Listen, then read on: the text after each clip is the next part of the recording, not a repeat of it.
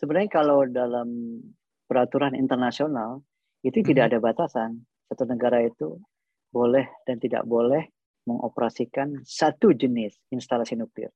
Yang menjadi concern itu adalah bahwa kalau setiap negara memiliki bahan nuklir dan dioperasikan dalam salah satu jenis instalasi nuklir, maka negara itu harus eh, mengizinkan EAEA e melakukan inspeksi rutin bahwa bahan nuklir itu digunakan hanya untuk tujuan damai.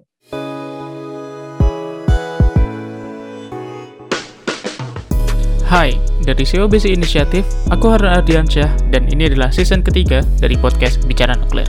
Di episode ini, aku ngobrol bersama Dr. Ismail Zen, Inspektor Nuklir di International Atomic Energy Agency atau IAEA. Beliau adalah satu dari ratusan inspektor nuklir di IAEA dan bertugas untuk memastikan bahwa bahan nuklir yang dimiliki suatu negara hanya digunakan untuk maksud damai. Kami ngobrol tentang pengalaman dan karir beliau yang bermula dari Bapeten, apa yang membuat Pak Ismail memutuskan untuk bergabung dengan IAEA, tugas dan fungsi dari inspektor nuklir, dan masih banyak lagi. So, let's check it out. Oke, halo semuanya kembali lagi di podcast Bicara Nuklir dan kita kedatangan tamu istimewa lagi yaitu Pak Ismail Zain. Beliau adalah ini ini mohon dikoreksi kalau saya Pak ya. Beliau itu inspektor di IAEA. Mungkin nanti beliau akan menjelaskan sedikit tentang apa itu sebenarnya inspektor di IAEA dan terima kasih sekali Pak Ismail Zain udah berkenan untuk saya ajak ngobrol nih di waktu istirahatnya di di Wina. Uh, uh, jadi mungkin langsung aja Pak. Uh, saya selalu mulai podcast ini tuh dengan dengan mengenalkan apa itu mencoba memperkenalkan apa uh, pembicara pembicaraan narasumber saya gitu dan mungkin bisa minta tolong diceritain gitu Pak tentang uh, sekilas tentang Bapak bagaimana Bapak uh, berada di titik sekarang ini perjalanan karir karirnya Bapak mungkin gitu sedikit Pak bisa. Oke, uh, terima kasih Mas Harun. Ya, salam juga buat semua yang mungkin akan mendengar podcast ini. Saya pada dasarnya apa ya uh, bukan orang yang memiliki mimpi gitu untuk kemudian bekerja di IAIA seperti sekarang. Uh, saya mengalir begitu saja meskipun uh, bagi generasi muda seperti Mas Harun bukan berarti harus punya alur yang mengalir begitu saja seperti orang-orang terdahulu, tapi layak juga lah bermimpi untuk seperti ini, di itu, dan lain sebagainya. Jadi ketika saya SMA juga saya tidak pernah berpikir akan bekerja di atau menggeluti bidang uh, nuklir misalnya gitu kan. Saat saya SMA itu pembagian jurusan hanya ada A1, A2 dan A3, fisika, biologi dan bahasa waktu itu ilmu kebahasaan tapi kemudian saya merasa kok uh, lebih tertarik memilih uh, jurusan uh, eh, A1 yang kebetulan waktu itu penekanan pada ilmu fisika. Mm-hmm. Dan pada saat SMA juga saya biasa-biasa aja ya namanya anak SMA ya uh, mm-hmm. kadang rajin belajar, kadang baca buku, kadang uh, sekedar bermain dan lain sebagainya. Tapi begitu kelas 3 kemudian saya menyatakan nampaknya asik juga nih kalau saya melanjutkan ke jurusan uh, fisika gitu kan. Mm-hmm. Entah fisika yang mana waktu itu belum terpikir oleh saya, tapi menjelang akhir-akhir Ebtanas itu, saya baru terpikir, oh mungkin saya bagus juga milih fisika ITB misalnya gitu kan. Dan kemudian mm-hmm. waktu itu ada istilah IPA, IPS, dan IPC waktu itu. Si Penmaru masih zaman saya si Penmaru ya. Iya. Dan kemudian saya milih IPC, uh, tapi dua pertama. Biasanya kan IPC itu kita boleh milih IPA 1, IPS 2, atau IPA yeah. 2, IPS 1 gitu. Mm -hmm. Nah, saya memilih jurusan yang pertama adalah Fisika ITB, keduanya saya pilih Fisika UI. Oke. Okay. Uh, mm -hmm. tahu seperti apa. Pokoknya saya tidak melihat bahwa yang satu lebih lebih baik dan lebih tinggi rate-nya dari yang lain, tapi mungkin karena saya sejak lahir berada di Jakarta, mungkin ingin juga punya pengalaman di kota yang lain. Jadi saya pilih Fisika ITB, kemudian Fisika UI, dan yang ketiga saya pilih waktu itu uh, Sosiologi UI. Jadi saya pikir oh, kalau memang saya hmm. kalau saya memang tidak ternyata tidak sanggup gitu ya uh, diterima di Fisika ITB atau Fisika UI, mungkin saya akan menggeluti uh, Sosiologi yang kebetulan sejak SMA juga kadang-kadang ngintip juga di kelas-kelas uh, anak-anak IPS buku-buku okay. sosiologi mereka. Mm-hmm. Akhirnya kemudian uh, saya ya, menjalani biasa saja, nggak bagus-bagus juga sejak SMA itu prestasi saya biasa-biasa saja di fisika ITB juga biasa-biasa saja gitu tidak mm-hmm. termasuk uh, jangankan the big five the big ten juga enggak cuma saya memang uh, menyukai fisika sejak saya SMA Nah, mm-hmm. ketika ingin mengambil uh, topik tugas akhir, mm-hmm. saya mengambil jalan yang agak sedikit uh, tidak begitu disukai banyak orang karena biasanya di akhir tahun aja, di akhir semester itu uh, orang akan memilih ya ada juga yang mereka memilih sesuatu yang mereka sukai, ada juga yang memilih ah biar lebih gampang deh gitu. Mm-hmm. Saya memilih waktu itu topik di fisika teori oh, yang okay. dalam Hmm. Yang dalam satu angkatan itu, di angkatan saya saja misalnya hanya sekitar dua atau tiga orang yang mengambil. Dari dan, berapa itu, Pak?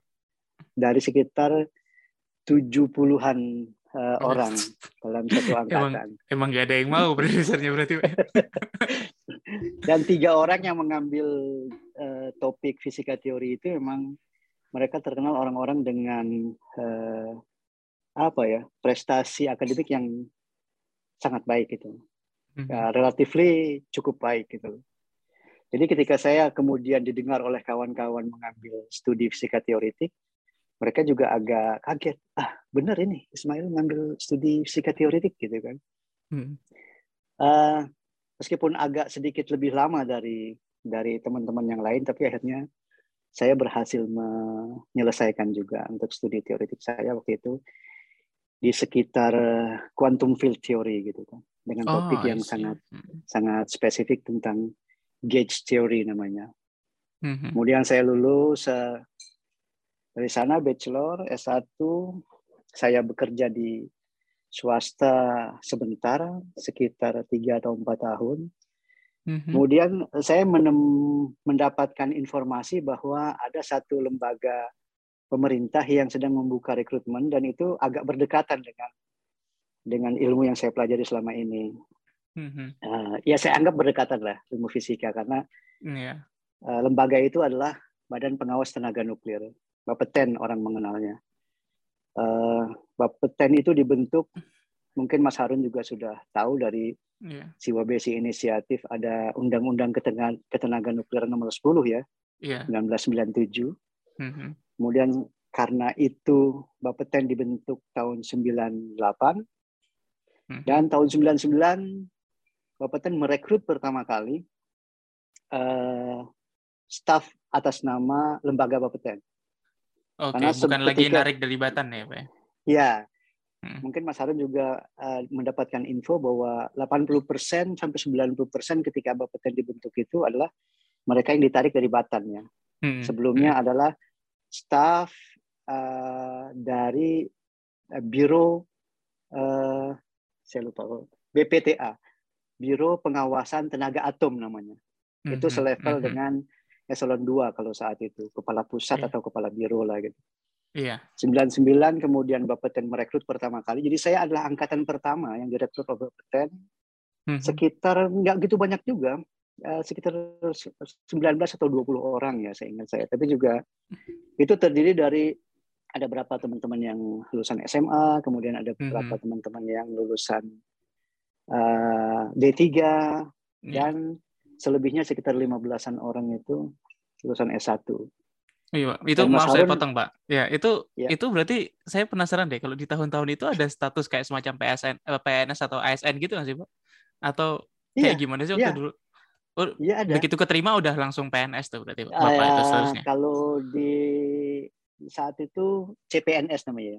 Kita uh-huh. kita pasti akan menjalani satu tahun uh-huh. itu maksimal sebagai CPNS calon pegawai negeri sipil. Uh-huh. Setelah kemudian kita mengikuti uh, beberapa kewajiban diklat, uh-huh. mungkin Mas Harun pernah dengar ada istilah diklat uh, apa? Saya juga lupa hampir 20 tahun lebih itu Eh, maka setelah diklat itu kita baru dianggap memenuhi syarat.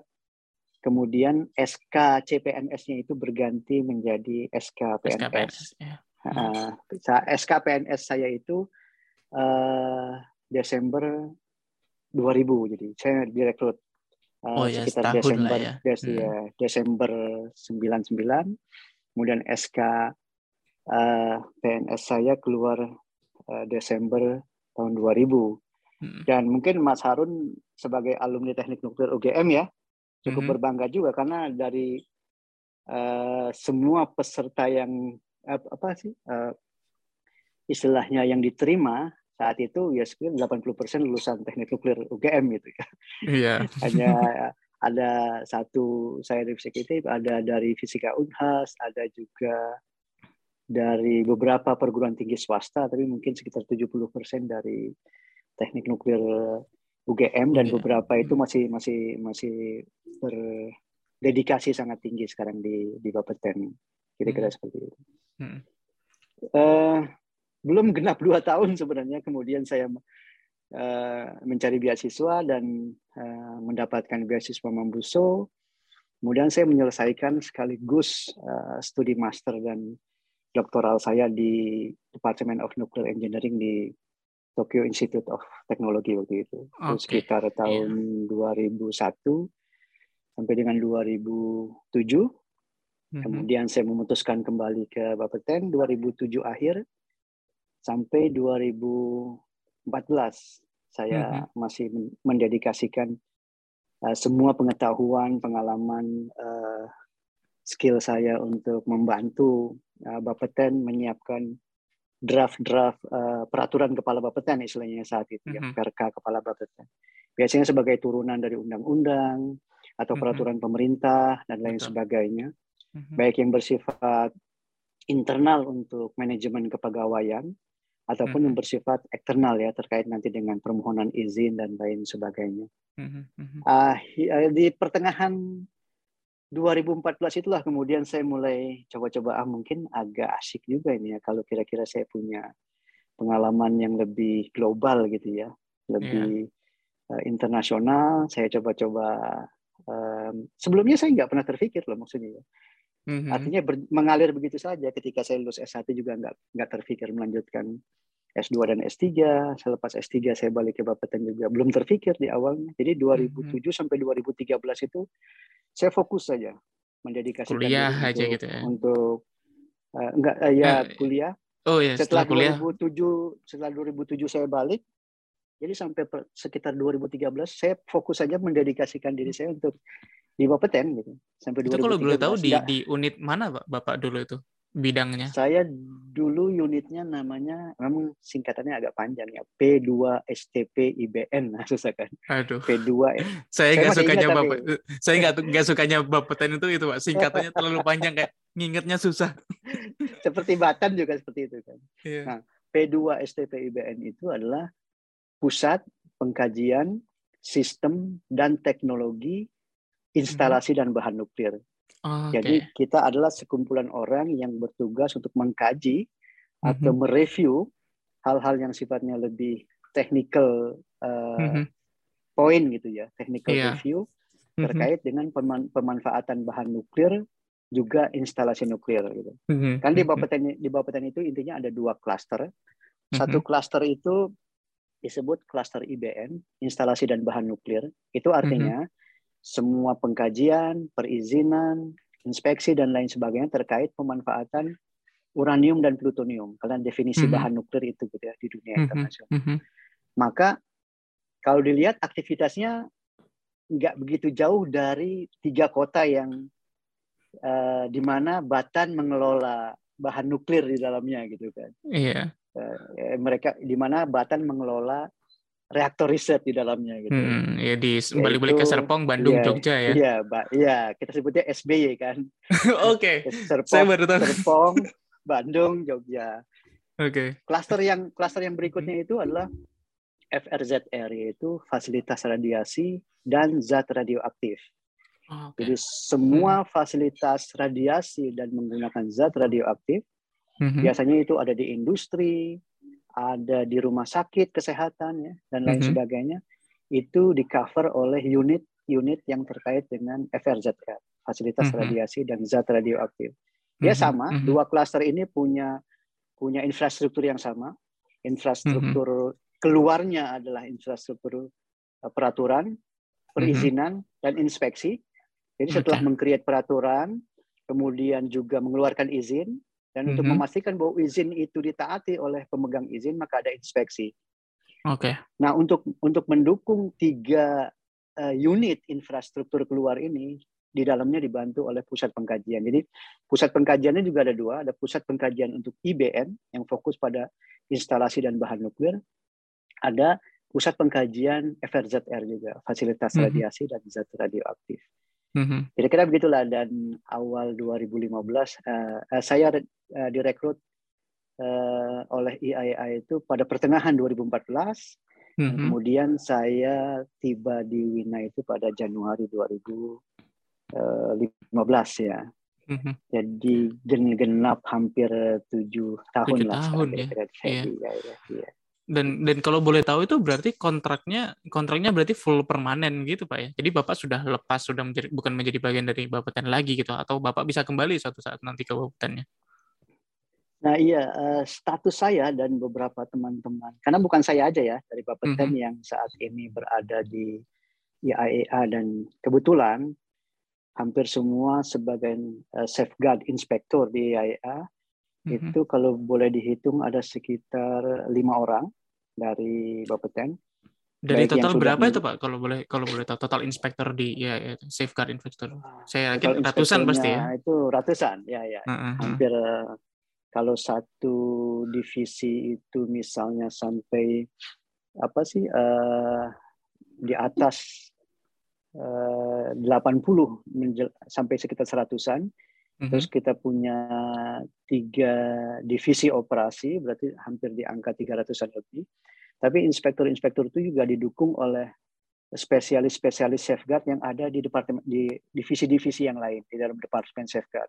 Okay. Jadi kalau di, mm-hmm. dilihat tubuh tubuh besar IAIA itu, lihat tubuh besar IAIA, uh, eh, IAIA punya beberapa departemen, mm-hmm. baik departemen yang sangat bersifat teknis, misalnya uh, safeguard, Terus ada mm-hmm. departemen uh, safety and security. Mm-hmm. Safety dan security ini ngurusin ya safety dan security-nya fasilitas nuklir. Mm-hmm. Uh, ada departemen of nuclear energy. Ini yang terkait dengan masalah power reactors, mulai mm-hmm. dari bikin bikin aturan, guidance dan segala macam. Mm-hmm. Ada lagi nuclear science and application. Ini yang misalnya untuk bidang uh, kesehatan, untuk pangan, pangan ya. dan segala mm-hmm. macam ada di Department of Nuclear Science and Science, Application. Ya. Nah ini yang lebih bersifat teknis. Ada uh, departemen-departemen pendukung seperti manajemen, technical cooperation. Technical mm -hmm. cooperation itu mengurusi masalah uh, bagaimana uh, mem, apa, menjembatani antara negara-negara donor yang mm -hmm. ingin memberikan uh, transfer pengetahuan teknologi dari pakar-pakar mereka kepada negara-negara akseptor, misalnya gitu negara-negara berkembang. Nah, mm-hmm. technical cooperation ini yang menjembatani sebenarnya dari secara budgeting, secara manajemen administratif, uh, surat menyurat dan segala macam mereka yang yang yang apa? Yang menjembatani. Oke, okay, I see. Nah, kira-kira yeah, seperti yeah. itu. Mm-hmm. Lalu uh, oke, okay, banyak banget nih yang udah kita dapatkan. Berarti ini udah kita dapat crash course, crash course untuk Bapeten dan Yahya dalam satu satu waktu nih. Cuman saya mau tarik yeah. dikit nih Pak tentang ya tentang Bapeten dulu nih. Uh, saya jujur nih Pak sebagai ya orang yang yang baru lulus S, baru lulus S2 terus habis itu kayak belum pernah kerja di instansi pemerintah sama sekali meskipun di bidang nuklir saya cuma tahu cuma sekilas doang nih tentang Bapeten karena ya emang tugasnya pengawasan intinya dan sangat jarang kita berinteraksi dengan pengawas gitu kalau misalnya kita nggak ada masalah hmm, gitu kan. Yeah, yeah. Cuman uh, kemudian setelah uh, apa ya uh, uh, mungkin bisa minta tolong dijelasin Pak setelah setelah uh, pembentukan Bapeten terus habis itu uh, Bapeten membuat membuat membuat peraturan-peraturan uh, sebenarnya bagaimana sih uh, Bapeten itu uh, tugasnya begitu. Apakah Bapeten itu kalau tahun Bapak juga punya tugas untuk mengkampanyekan PLTN juga? Soalnya saya pernah dengar bahwa oh sebenarnya PLTN ya uh, sorry uh, Bapeten sebagai lembaga pengawas ya tidak bisa gitu in favor of some technologies. Dia ya dia ya harus bersifat netral gitu. Apakah benar seperti itu Pak atau atau seharusnya lembaga pengawas itu seharusnya seperti apa sih Pak?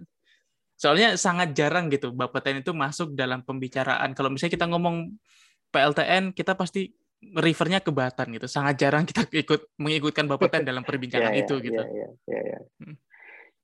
Jadi kalau kita eh, kembali ke belakang kenapa Bapeten itu dibentuk dari Hmm. Undang-Undang Nomor 10 1997 itu sebenarnya karena kita eh, ingin mematuhi peraturan internasional yang ada. Bahwa kita- Kalau kita ingin atau kita berencana membangun PLTN, maka kita harus punya badan pengawas yang independen. Dari eh, promoting body istilahnya gitu kan.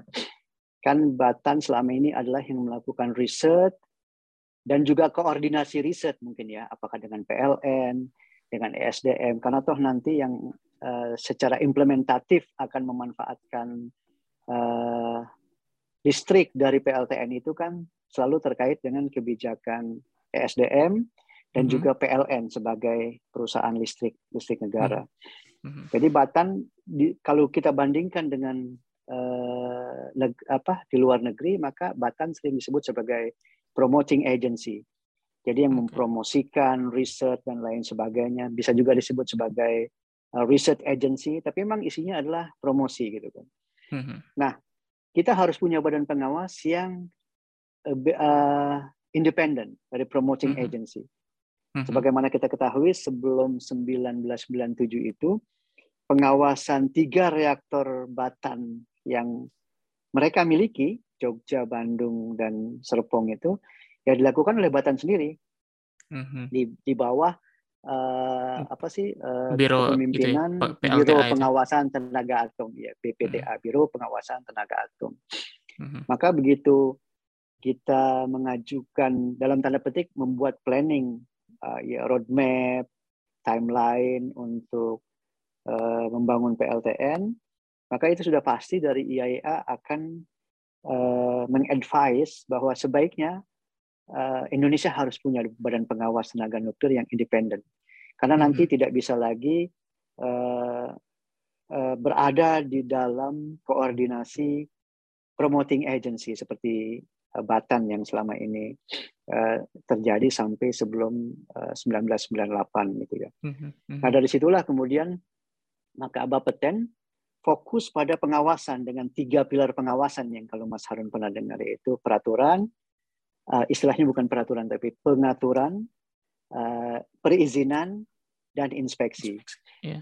Hmm. Tiga tiga pilar itulah yang menjadi infrastruktur Bapeten untuk Mhm. melakukan pengawasan pemanfaatan tenaga nuklir di Indonesia. Nah di dalam Hmm. untuk mereview permohonan izin gitu kan untuk mengembangkan sistem inspeksi dan segala macam maka pusat pengkajian di mana saya, saya dulu pernah eh, bergabung saat saya masih di Bapeten itulah yang menjadi eh, kita ti- eh, nggak bisa menyebutnya sebagai TSO ya yang sangat dikenal di dunia Mhm. eh, eh, tidak hanya di tenaga nuklir tapi tenaga yang lainnya yaitu technical support organization gitu kan Mhm. tapi kita nggak bisa karena itu harusnya lepas dari Bapeten kalau kalau kita mau sebut sebagai TSO. Tapi kita di dalam Bapeten sering menyebut seperti internal TSO gitu loh. Jadi Oh, internal si pusat pengkajiannya itu support. sendiri iya, ya? pusat iya. pengkajiannya itu. Jadi yang mel- melakukan eh, safety review secara netronik, secara termohidrolik gitu kan. Setelah Oke. misal eh, Batan ingin mem- memperpanjang eh, izin salah satu reaktornya gitu kan.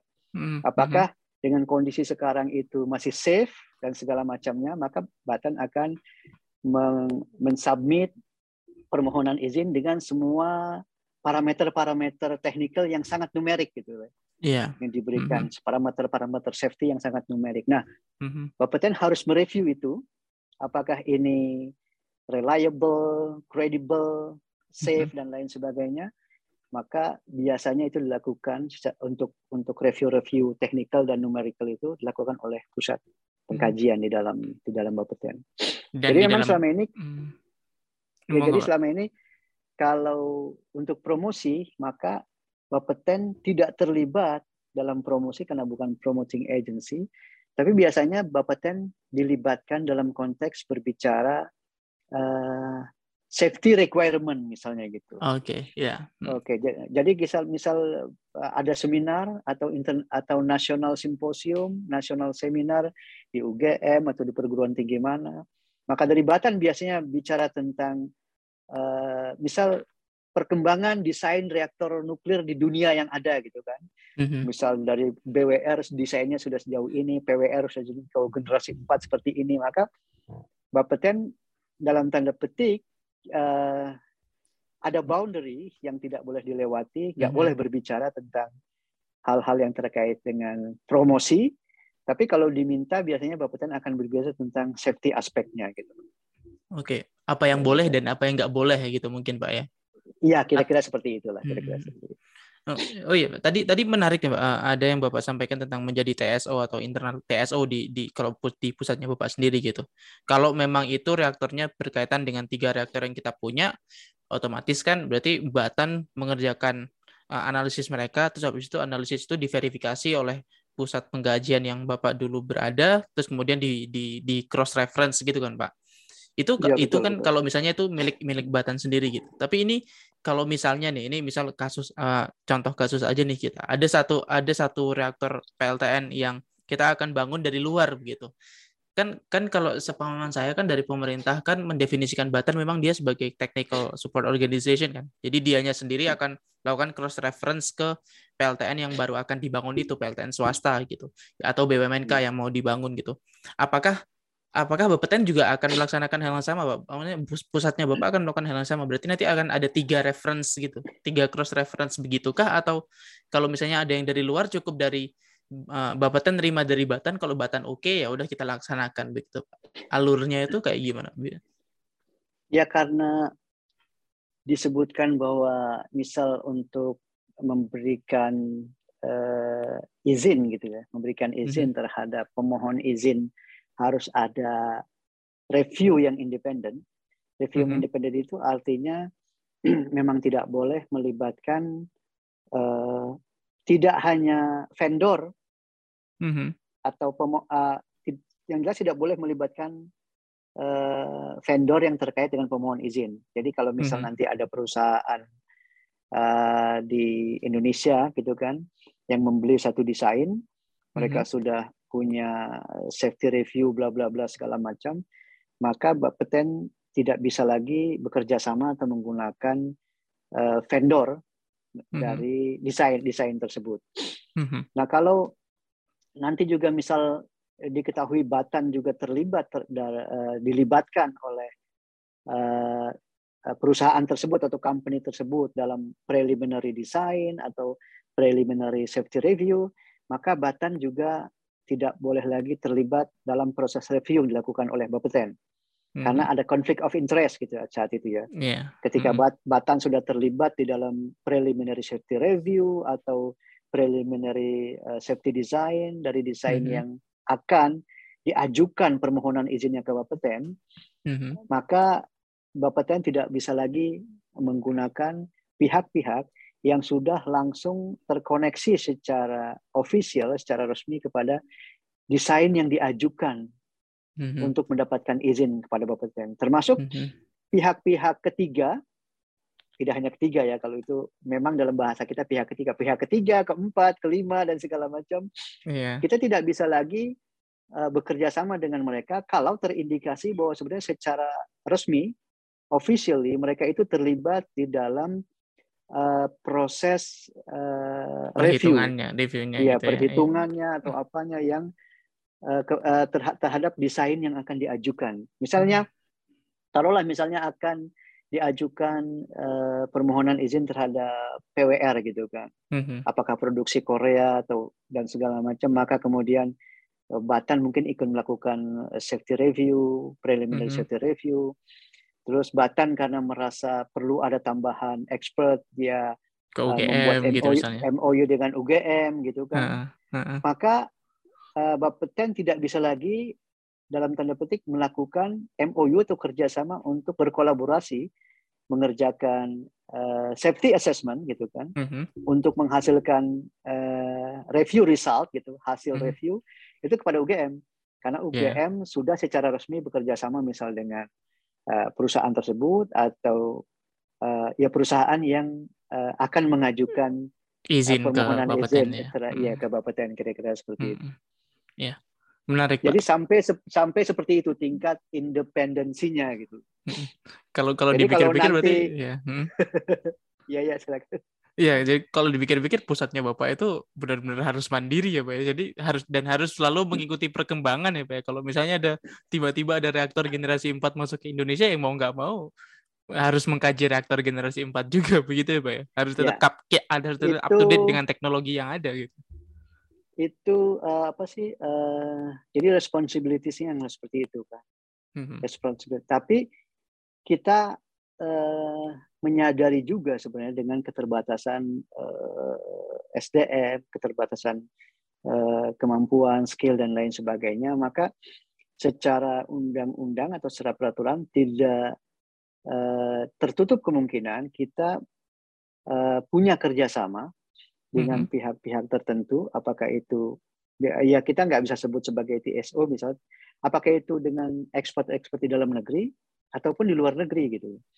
Oke. Jadi kalau mis kalau misalnya ada perusahaan swasta akan mengajukan eh, izin desain PLTN, dia beli dari satu negara gitu kan. Desain itu relatively proven dan sangat internationally eh, well known gitu ya. uh, well known gitu kan, maka Mhm. kita bisa bekerja sama dengan expert-expert dari negara lain yang tidak memiliki hubungan dengan negara vendor atau institusi vendor. Kadang-kadang vendor juga tidak terkait selalu dengan negara, tapi dengan institusi di dalam negara gitu.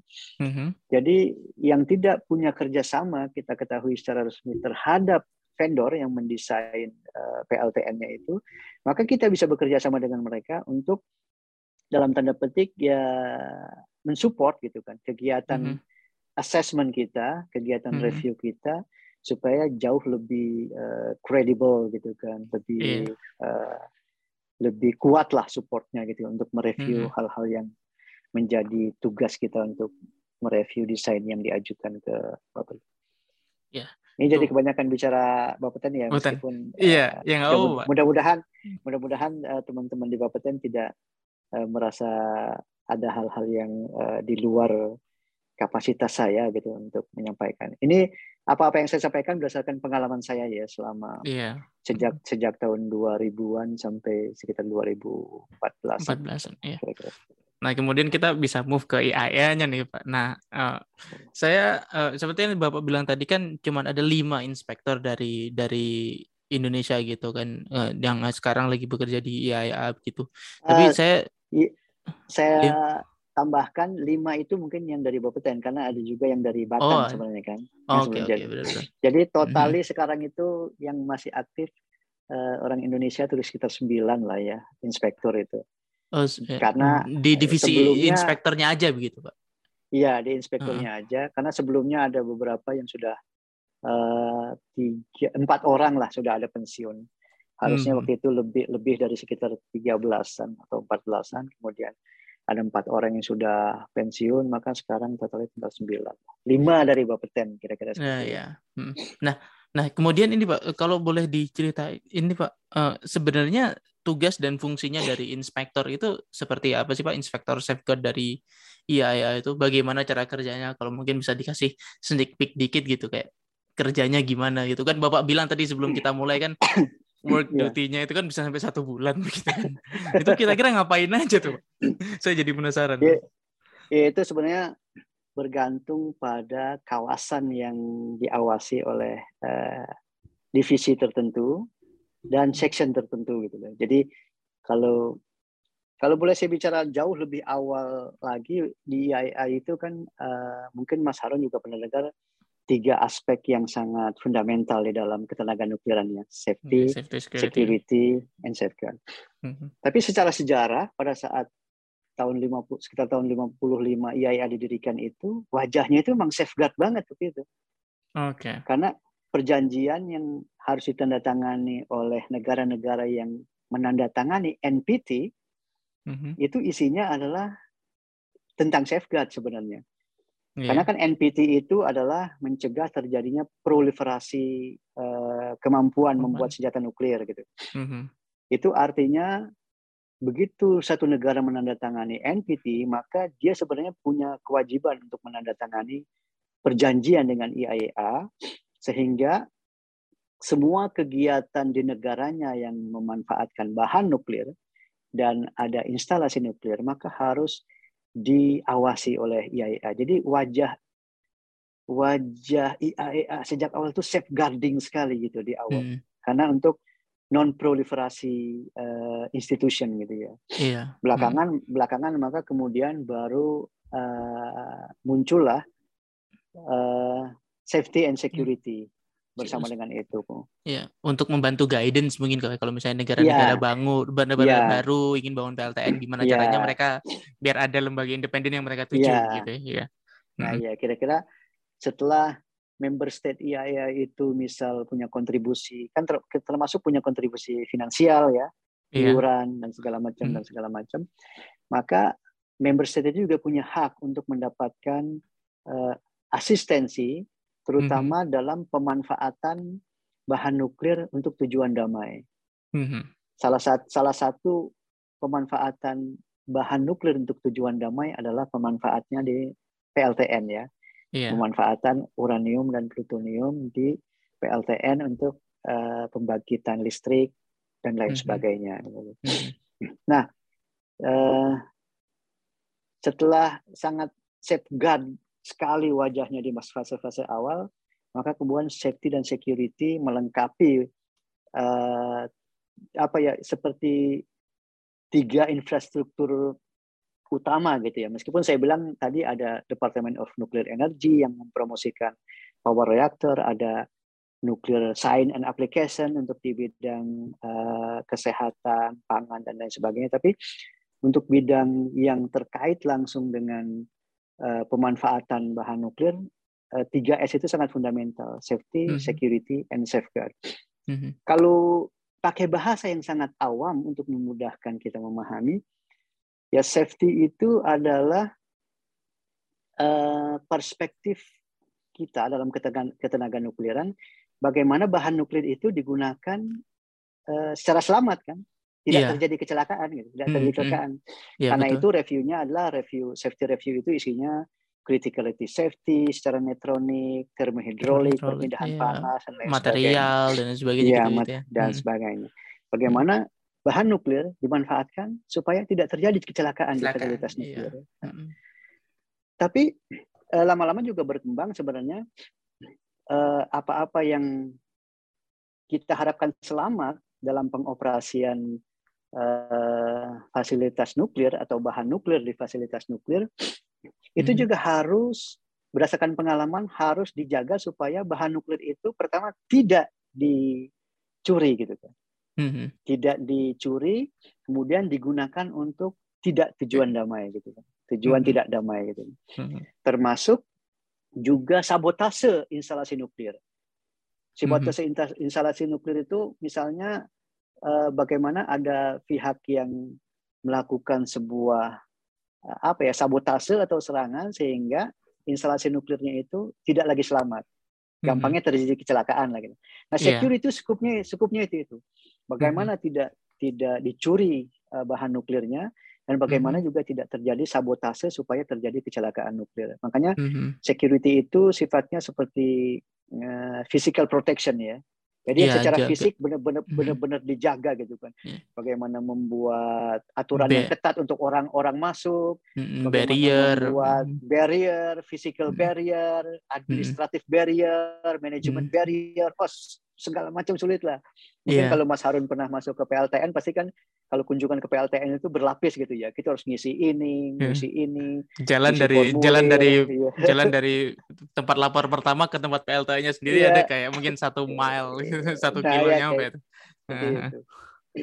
Nah, jadi kalau safety adalah bagaimana memanfaatkan uh, bahan nuklir dengan selamat, maka security adalah melindungi supaya instalasi nuklir tetap selamat, bahan mm-hmm. nuklirnya tidak dicuri untuk untuk tujuan tidak damai dan tidak disabotase untuk terjadi kecelakaan. Mm-hmm. Nah, safeguard adalah uh, perspektif di mana kita harus yakin di mana inspektur harus meyakinkan masyarakat secara internasional bahwa bahan nuklir itu tidak disalahgunakan. Tidak Hmm, disalahgunakan mhm. itu artinya karena bisa jadi uh, orang yang meng- mengoperasikan instalasi nuklir itu misal melakukan cheating, Mhm. ya, uh, Ya. kebohongan untuk melaporkan bahan nuklir yang dia punya, misalnya. gitu. Iya. Sebagian kemudian dengan cara tertentu kemudian sebagian bahan nuklir itu dipisahkan atau diselundupkan istilahnya gitu ya, Iya. digunakan untuk dikumpulkan sehingga suatu saat memenuhi signifikan quantity kita sebutnya. Sehingga dia bisa dimanfaatkan untuk tujuan tidak damai. Selalu Mhm. saja tujuan tidak damai itu maknanya adalah untuk membuat bom senjata atom ya. nuklir. Iya. Nah, kira-kira seperti. Nah, Mhm. meskipun safeguard itu muncul sangat awal ketika IAEA di, didirikan dulu, tapi kemudian safety dan security itu melengkapi tiga aspek yang sangat mendasar di dalam eh, apa sih kinerja IAEA eh, Mhm. ke masa-masa berikutnya. Bagaimana pemanfaatan bahan nuklir untuk tujuan damai itu dilihat dari tiga perspektif itu. Bagaimana dia harus safe, dia Dia harus secure, dan dia harus safeguard gitu loh. Mhm. Dia Mhm. selamat uh, pengoperasiannya, dia tidak disabotase atau dicuri, uh, Mhm. dan kemudian tidak disalahgunakan pemanfaatan bahan nuklirnya. Nah, Iya, untuk maksudnya yang tidak damai begitu Pak ya.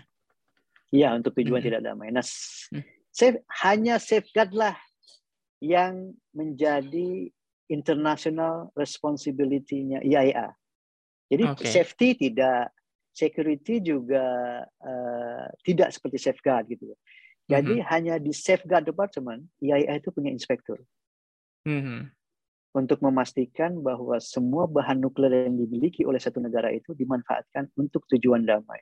Maka inspektur IAEA tugasnya adalah meyakinkan gitu, meyakinkan masyarakat internasional melalui kegiatan inspeksi oleh IAEA bahwa seluruh material nuklir yang dimiliki oleh satu negara itu hanya digunakan untuk tujuan damai. Dan IAEA Mhm. pada saat dia bertugas ke negara-negara itu harus benar-benar bisa yakin dengan Mhm. konklusi yang secara ada beberapa apa sih beberapa cara gitu ya, mulai dari Iya. audit pembukuan, kemudian eh, verifikasi teknis Mhm. dan lain-lain sebagai dan lain sebagainya sehingga kita kemudian eh, di dalam eh, dalam dalam satu divisi atau dalam satu seksi setelah inspektur balik dari inspeksi itu kita punya keyakinan mengkonklusikan bahwa negara ini yang kita inspeksi atau lebih kecil lagi misalnya fasilitas ini yang kita inspeksi dalam satu negara itu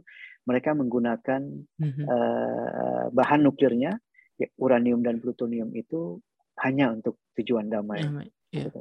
Kira-kira seperti itu. Dan dan kalau misalnya nih Pak amit-amit nih Pak, kalau misalnya ada satu fasilitas yang yang ternyata akuntansi materialnya kacau gitu, ada beberapa yang diselundupkan gitu sampai ke significant amount gitu. Nah itu berarti yang kena itu fasilitasnya itu atau langsung ke member state-nya, langsung ke negaranya tuh yang kena hukuman, quote unquote hukuman begitu. Saya saya agak agak kurang paham soalnya kan saya yang saya pahami kan NPT itu kan mengikat negara kan, bukan fasilitas ya, ya. begitu. Ya, ya. Hmm. Hmm. Ya secara eh, mendasar dia mengikat negara memang benar. Hmm. Jadi kalau ada eh, hasil inspeksi yang kemudian memberikan konklusi yang eh, dalam tanda petik tidak, kita menyebutnya jadi ada kalau ke- kalau keputusan ah, bukan apa ya, kalau hasil eh, memang tidak diputuskan di eh, on site ya oleh Ya. inspektur. Jadi setelah Mhm. inspektur inspeksi karena harus dikonfirmasi dengan beberapa kegiatan di headquarter juga mulai dari audit report dan segala macamnya. Maka Mhm. kemudian konklusi itu ada tiga, ada yang positif konklusif, negatif konklusif, ad- ada yang inkonklusif gitu ya. Iya. Nah, Mhm. inkonklus inkonklusif itu sebenarnya kita masih ada di daerah uh, doubts gitu ya. Sehingga Mhm. harus ada follow up action sampai kita benar-benar no doubt lagi ini konklusif positif atau konklusif negatif. Kalau konklusif Mhm. positif is clear, Iya. there's no doubt that satu negara itu menggunakan hanya untuk tujuan damai. Kalau tidak, uh, kalau terjadi uh, konklus, uh, negatif konklusif gitu kan, mm-hmm. yang negatif, maka pertama-tama kita harus meminta negara tersebut menjelaskan gitu dari apa mm-hmm. apa yang yang kita temukan. Misal mm-hmm. dari audit pembukuan gitu kan, Anda bilang uh, ya sebenarnya kan pembukuan bahan nuklir itu kita tahu benar sebaran bahan nuklir dalam hal ini mm -hmm. uranium dan plutonium dalam satu negara itu dia punya berapa, ada mm -hmm. di mana, digunakan untuk apa, termasuk bentuknya juga apa. Kan bisa mm -hmm. jadi bentuknya solid, solid itu masih bentuk fuel uh, spent fuel misal, fresh mm -hmm. fuel atau mm -hmm. uh, sudah powder atau sudah solution dan segala macam. Itu semua clear dalam pembukuan yang mereka laporkan ke IAEA. Nah, biasanya kalau terjadi uh, inkonklusif ataupun uh, negatif konklusif itu kita minta klarifikasi dari negara yang bersangkutan gitu. Mm-hmm. Jadi biasanya ada follow up action uh, apa sih ya bukan agreement meeting tapi yang meeting dari saya sebenarnya tidak tidak tidak terlibat lah ya. Tapi secara Oh, itu udah masuk ke atasan atasan ya, Bapak ya bisa dibilang. Iya, iya. Hmm, hmm. Karena inspektur itu hanya yang menjalani tugas untuk memverifikasi semua akuntansi bahan nuklir dan uh, secara fisik juga secara teknologi bagaimana bahan nuklir itu kita verifikasi uh, benar jumlahnya, hmm. uh, enrichmentnya berapa dan segala macamnya. Maka kalau terjadi negatif konklusif misalnya gitu, nah itu pembicaraannya di level uh, top management ya. Iya. Sudah level-level hmm. yang top management dari IAEA dan top management di negara Negaranya, member state. Iya. Hmm. Nah, sampai kemudian uh, bisa dijelaskan, kalau bisa dijelaskan maka ada uh, apa sih istilahnya ya uh, mesti mencapai positif konklusif misal gitu kan. Mm -hmm. Masa maka clear semuanya Anda uh, good guys gitu kan, not yeah. bad guys, misalnya kira-kira seperti itu. Mm-hmm. Nah kalau tidak uh, membership tidak bisa menjelaskan dan terbukti bahwa tidak bisa diklarifikasi tentang uh, misal ketidaktepatan uh, jumlah pembukuan dengan hasil verifikasi kita di lapangan di negara itu, maka tanpa harus menyebut negaranya, mungkin Mas Harun juga pernah dengar ada negara-negara yang kemudian uh, mendapat uh, sanksi misalnya gitu, gitu mm -hmm. terhadap terhadap uh, aktivitas mereka dalam memanfaatkan bahan nuklir di negaranya. Itu biasanya yeah. tidak langsung IAEA yang memberikan sanksi, tapi semua hasil temuan yang negatif konklusif misalnya hmm. oleh sekretariat IAEA, oleh sekretariat IAEA dilaporkan ke Security Council. PBB. Uh, UN Security nah, Council ya. Ya, UN hmm. Security hmm. Council nanti akan mengadakan meeting, hmm. mengadakan meeting, bla bla bla segala macam. Dari hasil meeting itulah maka akan keluar rekomendasi apa yang harus dilakukan oleh uh, badan internasional gitu ya, hmm. hmm. bersama-sama dengan uh, eh, IAEA tentunya. Yeah. Hmm. Ya, tanpa harus menyebut negara, mungkin Mas Harun juga cukup update ya, ada, karena ada juga negara-negara yang kemudian mendapatkan sanksi, kemudian harus melakukan renegosiasi ulang, harus mm -hmm. membuat perjan perjanjian secara ketat dengan beberapa negara yang punya apa sih uh, kekuatan secara uh, politis gitu ya, ya hmm. internasional politik atau regional politik dan seterusnya dan seterusnya gitu. Iya. Kira-kira begitu. Iya, menarik ya, Tadi tadi Bapak sempat menyebutkan juga bahwa kalau misalnya memang amit-amit ada yang ada yang ada yang false false konklusif gitu uh, sorry negatif konklusif gitu kan larinya ke uh, ke top management terus kemudian ke UN Security Council kalau misalnya emang parah banget. Nah uh, kalau gitu itu berarti hubungan antara IAEA sendiri dan dan UN dan PBB itu berarti PBB IAEA itu independen kan Pak? Lalu lalu bagaimana nih hubungan antara PBB dan IAEA gitu? Apakah mereka kayak setara begitu atau ada di bawahnya atau kayak gimana sih Pak pada ya. prakteknya gitu? Sebenarnya secara institusi IAEA dengan PBB itu uh, independen satu dengan yang lain. Hmm. PBB punya uh, istilahnya konstitusi sendiri gitu ya, hmm. punya status status sendiri ya, dengan statuta IAIA sendiri. sendiri. Uh, uh, hmm.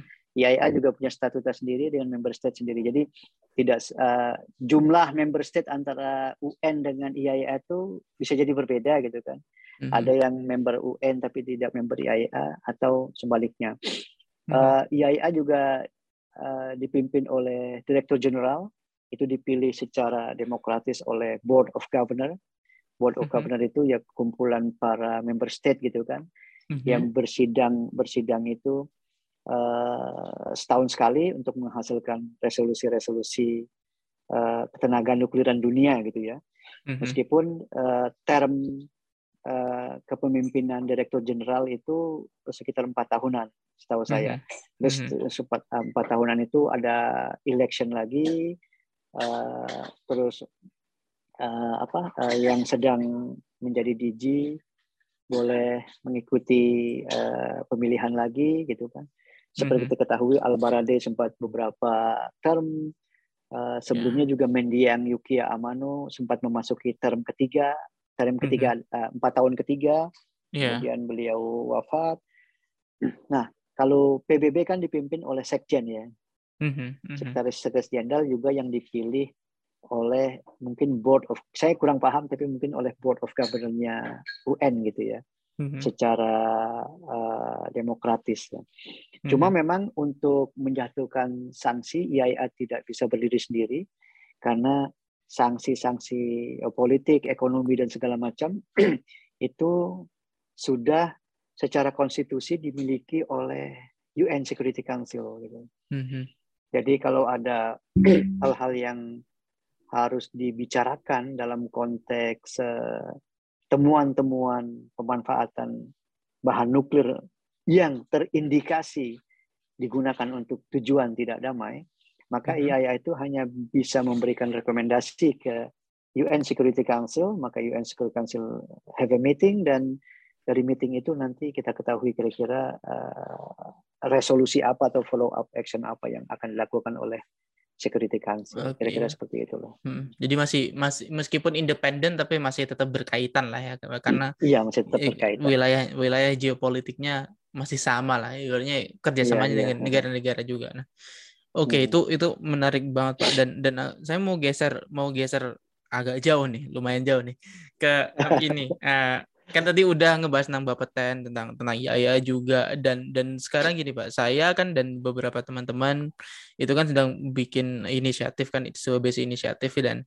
uh, tujuannya itu kan untuk mendiseminasikan nuklir gitu kan ke masyarakat umum gitu kan dan dan hmm. kita masih tahu sendiri hmm. bahwa masih ada keraguan gitu di masyarakat tentang teknologi nuklir ini dan kalau kalau kami bisa uh, kalau kami bisa kerucutkan itu kan sebenarnya kan itu kan bermuara ke empat hal gitu kan yang pertama tentang SDM-nya yang dibilang kayak oh hmm. SDM Indonesia itu apakah mampu mengelola PLTN gitu terus tentang pengolahan limbahnya terus tentang radiasi yang dihasilkan dan tentang uh, sumber bahan bakarnya itu dari mana begitu dah.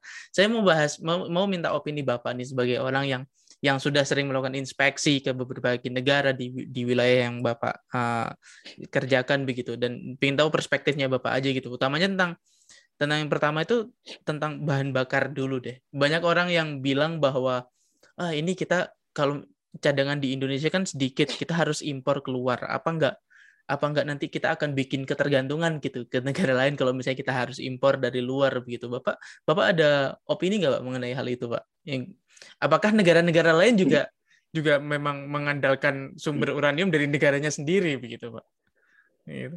ya ini benar-benar opini ya jadi tidak mewakili hmm. uh, institusi saya yang dahulu Bapeten hmm. ataupun yang sekarang ya ya hmm. tapi memang kita, kita ketahui bersama bahwa tidak semua negara memiliki uh, dalam tanda petik cadangan uranium yang memadai gitu ya. Mm-hmm. Di Indonesia sendiri kita ketahui uh, Batan mungkin pernah melakukan studi, tapi semua tetap saja masih dalam bentuk uh, cadangan potensial gitu ya. Yeah. Kita punya potensi uh, uh, apa sih uh, kandungan uranium di titik ini, di titik ini, kemudian karena baru bersifat uh, preliminary uh, apa sih uh, ya investigation gitu penelitian yang mm -hmm. sangat awal mungkin uh, kita juga belum tahu jumlahnya, Mhm. readiness-nya untuk digunakan dan lain sebagainya. Dan tapi kita ketahui secara internasional memang tidak semua negara memiliki uh, apa sih sumber uranium yang uh, cukup, Mhm. kemudian juga sudah uh, digali secara komersial dan Mhm. dimanfaatkan juga oleh dunia internasional secara komersial gitu kan. Mhm. Mungkin Mas Harun juga cukup well informed like Kazakhstan yang punya banyak, kemudian ada Brazil, Australia gitu kan. Mhm. Australia sendiri meskipun mereka punya banyak uranium, mereka tuh juga belum sampai saat ini memiliki power reactors kan. Oke. Mereka hanya Mhm. punya hanya punya riset reaktor. Mhm. Dan ses- dan technologically sejak mulai dari bahan galian sampai kemudian siap dibakar di reaktor riset kan eh, sorry di nuclear reactors itu kan perjalanan masih panjang gitu kan. Iya. Mhm. Nah, perjalanan masih panjang, teknologinya juga termasuk high teknologi yang harus kita punya. Bagaimana dari bahan galian kemudian dimurnikan gitu kan. Dari Mhm. murnikan kemudian dikonversi dulu sebelum di enrich. Habis Iya. dikonversi di, di enrich dulu karena uh, tidak semua uh, mayoritas uh, reaktor masa kini yang sedang beroperasi juga tidak menggunakan uh, natural uranium ya. Mas Iya, Harun harus juga dulu. hanya ya hanya kandu reaktor yang menggunakan air berat heavy water Mhm. mereka bisa menggunakan natural uranium tapi semua harus Hmm. diperkaya diperkaya sampai 3 sampai 5 persen lah ya Mhm. seperti yang saat ini beroperasi di hampir di seluruh negara yang menggunakan BWR ataupun PWR. Jadi Hmm. teknik, perjalanan dari bahan galian itu memang sangat panjang. Kemudian juga teknologinya juga mahal gitu kan ya. Mhm. Teknologi konversi, enrichment. Tidak hanya mahal tapi juga sensitif ya, terutama kalau Mas Harun juga mungkin dengar adalah istilah back end cycle and front end cycle ya. Iya. Jadi Hmm. kalau titik teng- titik tengahnya kita anggap adalah reaktor ketika bahan bakar itu digunakan, Mhm. maka sebelum sampai ke reaktor kita sebut front end Front. cycle. Setelah itu, en- nah front end cycle kan enrichment itu yang sangat sensitif gitu kan, Mhm. sensitif. Selain juga selain juga mahal gitu kan. Iya. Jadi mau tidak mau negara-negara yang tidak memiliki sumber uranium yang cukup, tidak memiliki teknologi langsung saja lah yang tidak memiliki memiliki teknologi eh, fuel fabrikasi, itu Mhm. artinya memang kita akan bergantung dengan negara lain yang memiliki eh, Teknologi itu gitu teknologi ya. untuk fuel, fuel fabrikasi gitu. Mhm. Mungkin kita bisa bisa beli langsung uh, fuel bundle yang sudah jadi. Bisa Mhm. jadi itu juga kita langsung uh, punya MOU ketika kita beli desain dari salah satu negara yang punya yang menjual desainnya kepada kita, include di dalamnya penyediaan fuel Bahan bundle-nya misalnya, mhm. uh, uh, bahan bakarnya gitu. Dari mana mereka mendapatkan uranium? Kita nggak mau tahu misalnya gitu kan. Itu terserah mereka gitu. Yang penting Iya, kita dapat bandelnya mereka. aja. Mhm. terserah mereka gitu. Negara Hmm. itu juga punya ketergantungan terhadap negara penghasil eksplorasi uranium pastinya kan. Contohnya misal kalau kita beli desain dari Rusia, Rusia mungkin punya ketergantungan eh, kepada negara lain yang akan mensup- mensuplai uraniumnya. Kalau kita beli dari Jepang misalnya atau dari Korea Selatan, mereka juga mungkin punya ketergantungan membeli uranium alamnya dari negara tertentu sampai kemudian ke negaranya sampai pada tingkat eh, fabrikasinya. Mhm. Kalau negara-negara yang tidak memiliki teknologi enrichment pastinya akan beli enrich uranium ya, yang sudah Iya. di enrich, Mhm. sudah tiga setengah persen sampai empat persen gitu. Mhm. Dan eh, network eh, strong dependence ini sebenarnya cukup standar juga di, di dunia teknologi nuklir, terutama kalau kita bicara power reactors gitu ya. Mhm. Satu dengan yang lain itu saling punya ketergantungan. Jadi vendor countries yang men- menjual desain reaktornya, kalau dia punya uh, fuel fabrikasi teknologi, dia akan buat sendiri. Kalau dia punya enrichment facility, berarti dia bisa mengenrich sendiri. Tapi Mhm. kalau dia nggak punya sumber uraniumnya, dia harus beli dari Iya, negara Iya, lain. Betul. Hal-hal, Mhm. hal-hal seperti itu. Mhm. Mau tidak mau, ketika kita Indonesia saja misalnya akan mengoperasikan uh, power reactors (PLTN), ya itulah realitanya secara internasional. Iya. Hmm.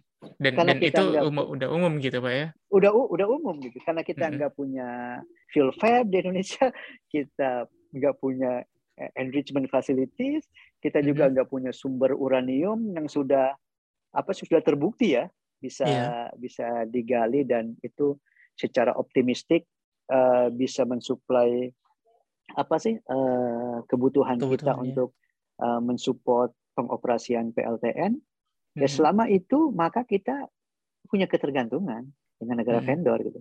Yeah. Oh negara vendor nanti yang memfabrikasi, memperkaya uraniumnya dan dia punya ketergantungan lagi terhadap negara yang mensuplai natural uraniumnya gitu ya. Itu juga realitas internasional gitu loh. Jadi hmm. ketika satu negara pemerintahnya go misal gitu PLTN itu bukan berarti kemudian selesai semua masalah dengan hanya punya duit dan punya SDM gitu loh ya. Mm-hmm. Tapi internasional apa internasionali itu uh, kita punya dalam tanda petik banyak uh, ketergantungan secara politis. Mm-hmm. Makanya mm-hmm. di dunia internasional itu di, di saya, saya tidak tahu ya sekitar dua atau tiga universitas di dunia yang memang punya spesifikasi spesifikasi kajian yang ya nuklir geopolitik gitu kan. Mm-hmm. Mm-hmm. Yeah, yeah. Nuklir geopolitik. Bahkan mm-hmm. ada sampai ada studi yang mengatakan kalau satu negara yang sekarang belum punya PLTN dan infrastruktur teknologinya belum memadai ingin punya PLTN, maka mungkin maka mungkin sekali negara itu tidak akan bisa lagi dalam tanda petik apa ya non blok ya kalau kita bilang di zaman dulu Iya. Hmm, harus kalau harus anda, ngeblok ke iya. satu ya, pihak akhirnya kalau ya. Kalau Anda beli dari Rusia meskipun Anda punya uang dan Anda bilang ini cuma MOU secara ekonomi, tapi bagaimana meyakinkan Anda merasa yakin secara hmm. politik juga bahwa setelah Rusia membangun PLTN di negara di negara kita misalnya, dia hmm. akan mensuplai kebutuhan kita untuk jangka waktu yang tidak kurang dari 20 tahun 30 tahun. Mm-hmm. Begitu juga kalau kita kemudian beli dari Jepang, kita beli dari Amerika, beli dari Prancis dan segala macam, maka secara sangat mendasar kita bisa pahami bahwa di dalam MOU itu pasti implicitly akan terkandung makna-makna yang uh, sangat gitu ya? politis lah kira-kira iya. ya kira-kira seperti itu. Hmm. Nah, Baik, uh, yang yang lain lagi itu tadi yang sempat Bapak bahas juga tentang tentang topik yang lumayan sensitif itu kan enrichment nih. Nah sebenarnya ini saya agak bingung Pak, soalnya saya, saya pernah dengar dalam satu diskusi gitu, saya diskusi sama teman-teman gitu bahwa sebenarnya ya nggak ada larangan gitu untuk Indonesia untuk Indonesia melakukan enrichment gitu. Tapi kita tidak pernah melakukan itu gitu. Itu dan dan di satu di sisi lain juga ya kan uh, saya pernah dengar juga diskusi bahwa ya karena kita ter terboundaries ter, uh, ter terkungkung sama NPT jadi kita tidak bisa gitu punya fasilitas enrichment atau reprocessing gitu. Jadi sebenarnya itu kalau dari perspektif inspektur IAEA itu sebenarnya itu bagaimana sih Pak? Apakah suatu negara itu misal Indonesia gitu punya bisa gitu punya fasilitas enrichment atau itu adalah simply apa ya keputusan politis kita nggak punya agar kita aman aja gitu nggak nggak ter apa namanya nggak nggak mudah terafiliasi gitu dengan dengan blok tertentu gitu misalnya gitu sebenarnya kalau dalam uh, apa sih peraturan internasional itu mm-hmm. tidak ada batasan satu negara itu boleh dan tidak boleh mengoperasikan satu jenis instalasi nuklir mm-hmm. yang menjadi concern dunia internasional yang dalam hal ini misal diwakili oleh IAEA e untuk memastikannya itu adalah bahwa kalau setiap negara memiliki uh, bahan nuklir dan dioperasikan dalam salah satu jenis instalasi nuklir, maka negara itu harus mengizinkan IAEA e melakukan inspeksi rutin bahwa uh, bahan nuklir yang dimanfaatkan di dalam fasilitas nuklir itu digunakan hanya untuk tujuan damai. Itu aja. Mm-hmm. Jadi tidak ada larangan Indonesia kalau punya SDM gitu kan, punya duit segala macam untuk mengoperasikan uh, apa sih uh, enrichment facilities, reprocessing facilities, silakan silakan saja selama uh, IAEA uh, bisa melakukan uh, apa sih uh, kerja atau kewajiban institusinya, kewajiban mm -hmm. konstitusionalnya untuk memverifikasi bahwa semua kegiatan yang terkait dengan bahan nuklir yang digunakan itu tidak disalahgunakan. Artinya mm-hmm. bisa dipastikan bahwa hanya digunakan untuk untuk tujuan damai. damai Jadi nggak ada larangan sebenarnya, nggak ada larangan sebenarnya. Cuma problem kita kan problem uh, politis dan ekonomi sebenarnya. Kita punya uang nggak karena itu teknologinya mahal. Iya betul. Anda tahu mm-hmm. uh, di Jepang itu ada satu kawasan yang mengcombine antara enrichment facilities, reprocessing facilities, dan MOX fuel facilities. Waduh, MOX itu, itu iya dia dia menggabung antara uranium yang di recovery dari spent fuel kemudian mm -hmm. digabung dengan uranium mm -hmm. gitu ya. Itu gila-gilaan gitu. SDM yang dibutuhkan untuk satu fasilitas itu bisa ribuan gitu loh dengan mm-hmm. uh, jumlah skill yang beraneka ragam uh, dan segala macam dan segala macam gitu loh. Belum lagi mm-hmm. kalau dihitung biayanya meskipun uh, belum bisa dijamin uh, konstruksinya selesai berapa tahun, commissioning mm-hmm. tesnya selesai berapa tahun mm-hmm. dan seterusnya dan seterusnya. Jadi yeah. uh, itu memang mahal, mahal secara ekonomis dan sensitif secara politis.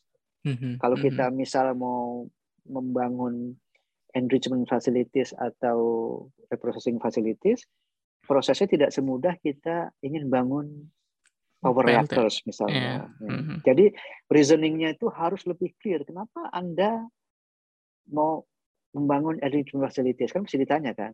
Iya. Yeah. Ya kan? Mm-hmm. Sementara misal Anda membeli reaktor dari uh, negara tertentu, mm-hmm. ya kan? Di dalam di dalam MOU sudah termasuk uh, apa beli sih? full bundle uh, juga. Iya. Uh-uh. Istilahnya istilahnya uh, security supply of uh, fresh fuel misal mm-hmm. dalam langkah 10 tahun atau 20 tahun gitu kan. Mm-hmm. Terus what is the reason you want to establish the enrichment facilities gitu.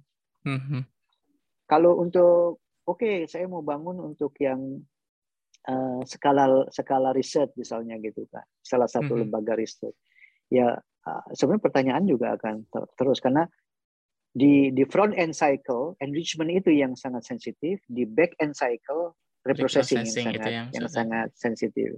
Mm-hmm. Jadi sebenarnya nggak ada masalah uh, di dalam perjanjian itu kalau kita mau bangun apa sih uh, tipe apa pun dari mm-hmm. fasilitas nuklir yang ingin kita yang ingin kita operasikan selama IAEA bisa menjalankan fungsinya untuk memverifikasi bahwa bahan nuklir yang ada di dalamnya benar-benar digunakan untuk tujuan damai. Tidak ada yang tidak ada yang salah uh, dipalsukan uh, report jumlah bahan nuklirnya, hmm. tidak ada istilahnya uh, apa sih operasi rahasia iya. clandestine yeah. operation gitu kan bahwa mm-hmm.